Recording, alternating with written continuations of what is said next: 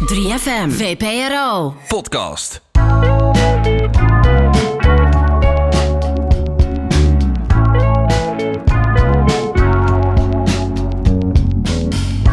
Dit is een podcast van VPRO 3 voor 12 en 3FM, waarin ik, Sagit Carter, in gesprek ga met jouw favoriete artiesten. Dit is Uncut Interviews. Welkom weer bij een nieuwe aflevering van Uncut Interviews with Sagit Carter. Dat ben ik. En ook deze weer ga ik weer mijn archief voor jou induiken. Um, want van de week zat ik in een, uh, in een koffietentje. En toen hadden ze de laatste EP van Chris, a.k.a. Christine en the Queens, opstaan. La Vida Nuova. En toen dacht ik, wow, het is echt alweer twee jaar geleden sinds we elkaar spraken. En dus sinds de release van, uh, van deze EP. En toen we elkaar spraken hadden we het over La Vida Nuova. Maar we hadden het ook over een derde album waar ze op dat moment mee bezig waren. En ik moet dan ook eerlijk zeggen dat ik eigenlijk had verwacht dat, dat dat album er nu al zou zijn.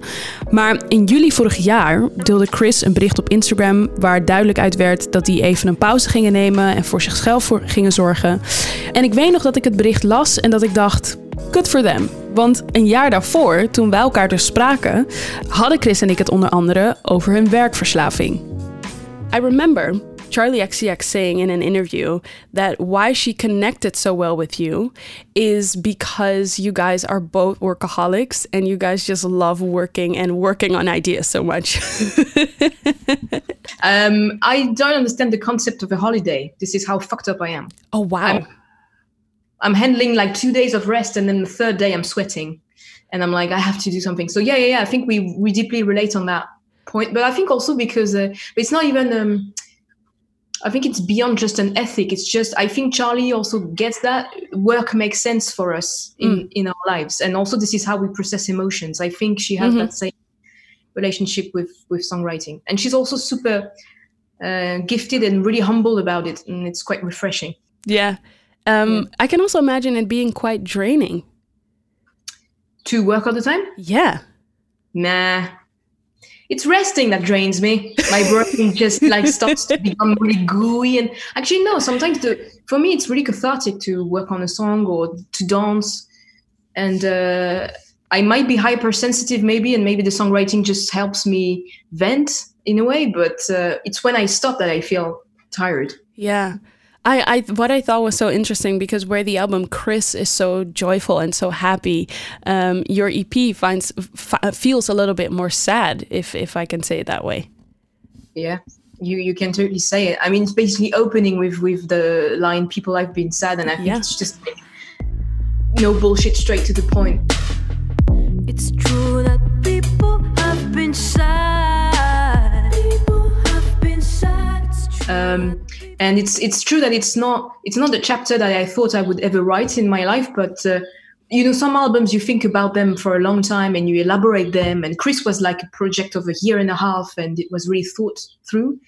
And that EP was a reaction to uh, things that happened to me, and uh, I had to deal with grief, with with with heartbreak at once. Mm. I was like, might be a little bit too much for me. And the only thing I found uh, that could help me cope again is the songwriting. And also, I, I mean, what I love about songwriting is that it's brutally honest. You can't really, you can't really cheat with songwriting because then it doesn't sound genuine and then you know you're lying to yourself. And the song people i've been sad has been the first one i've been writing about for that ep and it just opened up the whole chapter and i knew i had to address the sadness. I so people i've been sad was the beginning and then the rest just came.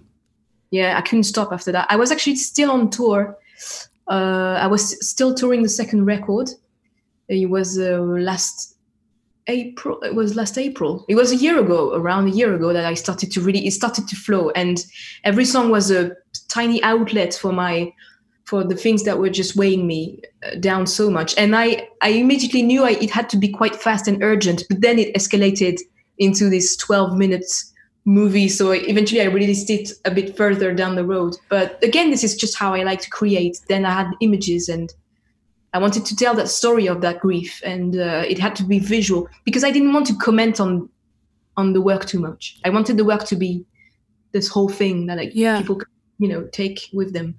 Maybe a weird question, but were you surprised by these feelings that you were having because it because I, I can't help but notice that you just said you never thought that you were right that you would write a project like this one a sad project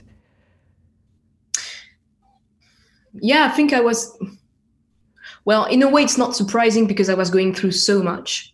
But i think i was caught off guard because i think the songs were saying something that i was not realizing. The songs were talking about unfolding and not not not dealing well with that. And i thought i was dealing well with it. I was like I, I, was touring still and i was like it's going to be fine. I'm fine. I'm, I'm going to make it through. And what i was writing was saying the exact opposite.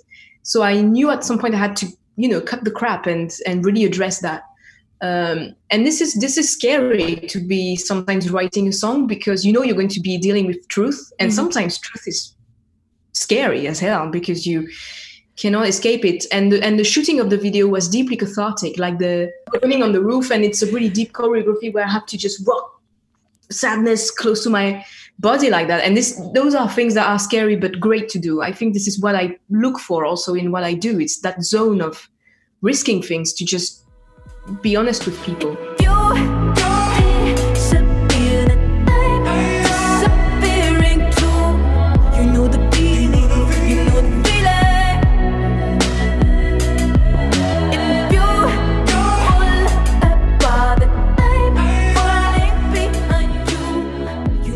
Um, I want to talk about movement a little bit because you love to dance, you love to move your body. I always, I always wonder when you write a song, how much does that role? How much does that play a role when you when you write music? Do yeah. you keep movement in the back of your in your mind when you when you write? I think it does influence my songwriting because I think, for example, I think it explains why, for example, I'm obsessed with a good beat and a good bass line. This is just like not, I, I can't compromise with that. Um, this is why also I'm obsessed with bass, bass lines in other people's productions like Tame Impala because the, it, the bass is just talking to like the, it's like a beating heart. And if the groove is right with that skeleton, then the rest of the song is fine. For me, if you don't have a good bass line and a good beat or it's hard. I saw you were listening to, to Thundercat. I mean, yeah. what I'm talking about. Even people like Steve Lacy, like they, oh. they just get the right. And I think when you like to dance and you practice it a lot, you understand a lot about how a music should breathe. Mm. Because I think groove sometimes is actually silence, silence, and then it comes back. And even people like Miguel, they really know how to like a song like Adorn. It's just like a m- masterpiece of groove. Yeah. And uh, so I think I think it does influence my songwriting because I'm always searching for that. Groove is a bit cheesy to say like that, but something that even if it's a ballad, I have to be able to move on it. And yeah. actually, when I start to move on the track I'm working on, it's a good sign. Yeah. When I have an idea of a movement, it's it's a sign that I'm getting there.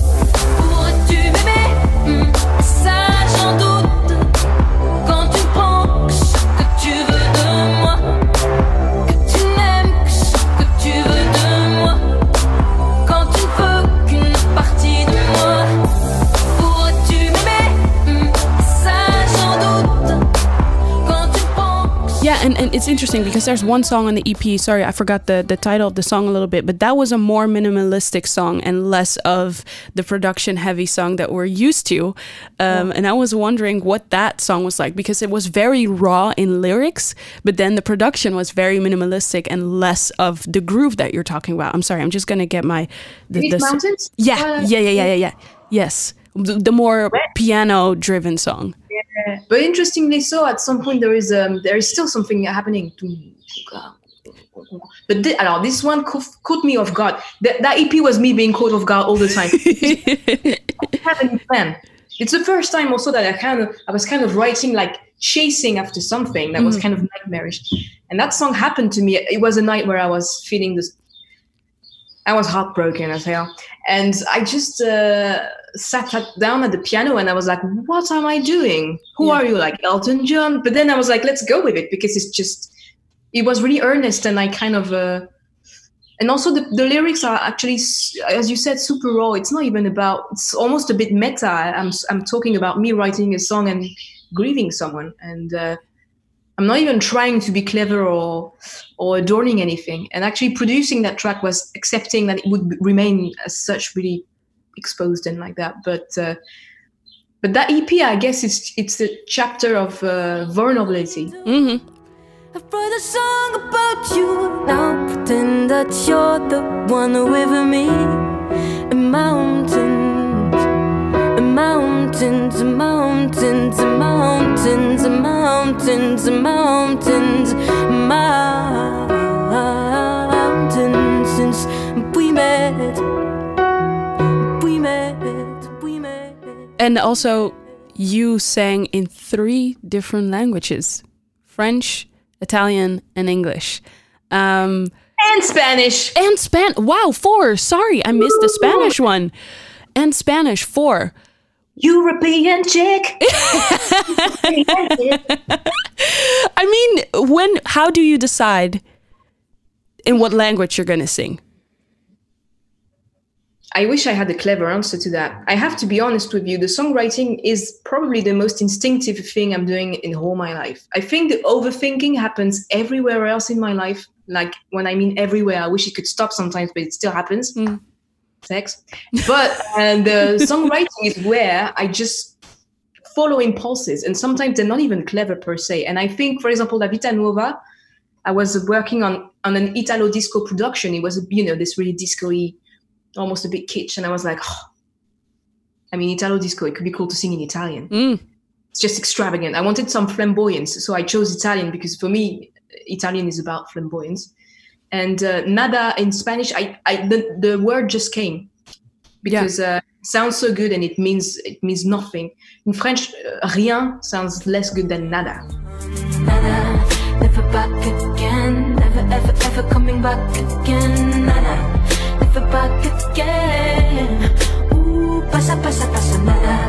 Never back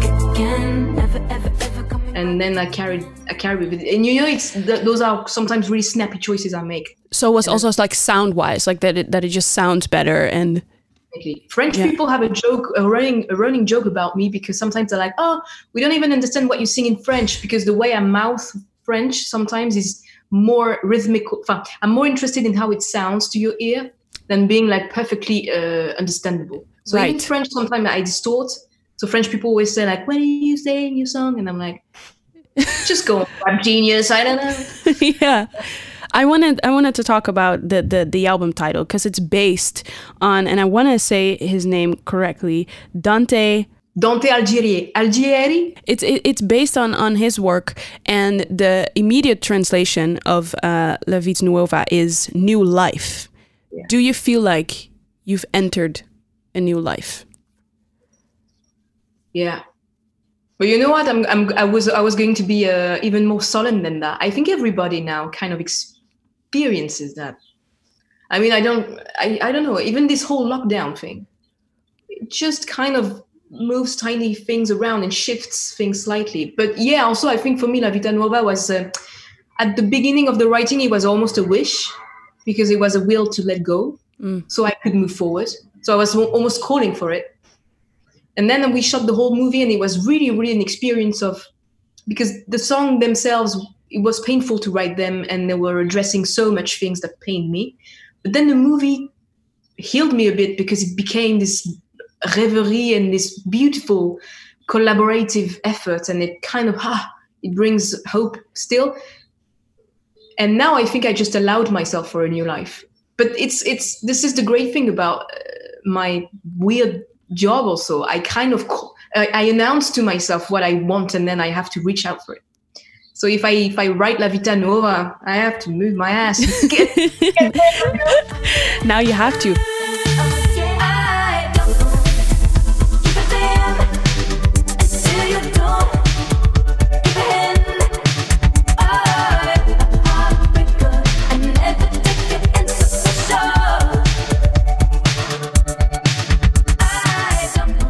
And and you're moving on to your third album, an album about hope. And what I've heard is that you have a hard time dealing with hope. Why is that? usually i had a hard time yeah with that but because i am a bit uh, tormented uh, i used i used to i used to also be scared of happiness i mean this is really classic you're scared of it because you don't you deserve it things like that. But now I'm I'm I'm just uh, also a bit less. Uh, also, I think with La Vita Nuova, for example, it kind of uh, did a reset on who I am as an artist. I think. I think it's the end of me apologizing for, for example, loving theatricality, loving narratives, loving transformation. I think I always, I already was in that, but I was always slightly apologizing for that before. And mm-hmm. now I'm just like, well, this is what I like to do. I like to create dreams and transform myself and mutate and let's see what works for me. But i think also it's it's a process of getting older and more comfortable with who you are and with being fluid and with being you know a theater kid at heart with crazy ideas. So the third record is a bit more uh, ambitious i think. It's the most ambitious thing i'm working on i think. It really it, there is no apologies which is great. It feels good Oh, that's so good to hear. I was about to say more ambitious. I feel like you've been one of the most ambitious people or artists in the scene right now. Oh, really? Yes. well, uh, merci. Uh, it's it's always like the whole package, you know. It's like the the video, the uh, when you perform, you're not just standing there and singing. You're thinking every single thing completely through. True. Well, true. It's true. Maybe maybe maybe it's me saying that. I'm going to get into the monstrous zone of hubris, you know. but I think for me, ambitious is a. Fun. I, I, can't talk about it right now because it's spoiling. But uh, the gesture is even more ambitious in the in what I'm saying. In what I the story I tell is even in itself quite ambitious. Yeah. So I don't even know if I'm going to achieve what I want to achieve. but uh, if I do, it might be quite exciting. I can't wait. Dat was mijn interview met Chris. En zodra er nieuw werk is, hoor je dat natuurlijk meteen. Maar tot die tijd heb je genoeg eerder werk van Christine en the Queens waarin je je lekker kan onderdompelen. Vergeet je niet te abonneren op de podcast, want volgende week ben ik weer terug met een gloednieuwe aflevering. Tot dan. 3FM Podcast. Oh, hallo? Echo, echo. Ik heb nog eens in mijn ogen gevreven en ik ben in een soort... Nee, Anne Fleur. Oh, mijn lesbische winterslaap zit erop. Je lesbische winterslaap zit erop? Ik zie jou. Het betekent dat we aan de slag gaan, of niet? De lesbische liga is terug. Met een vijfde seizoen. Check hem in de 3FM-app of jouw favoriete podcastplatform.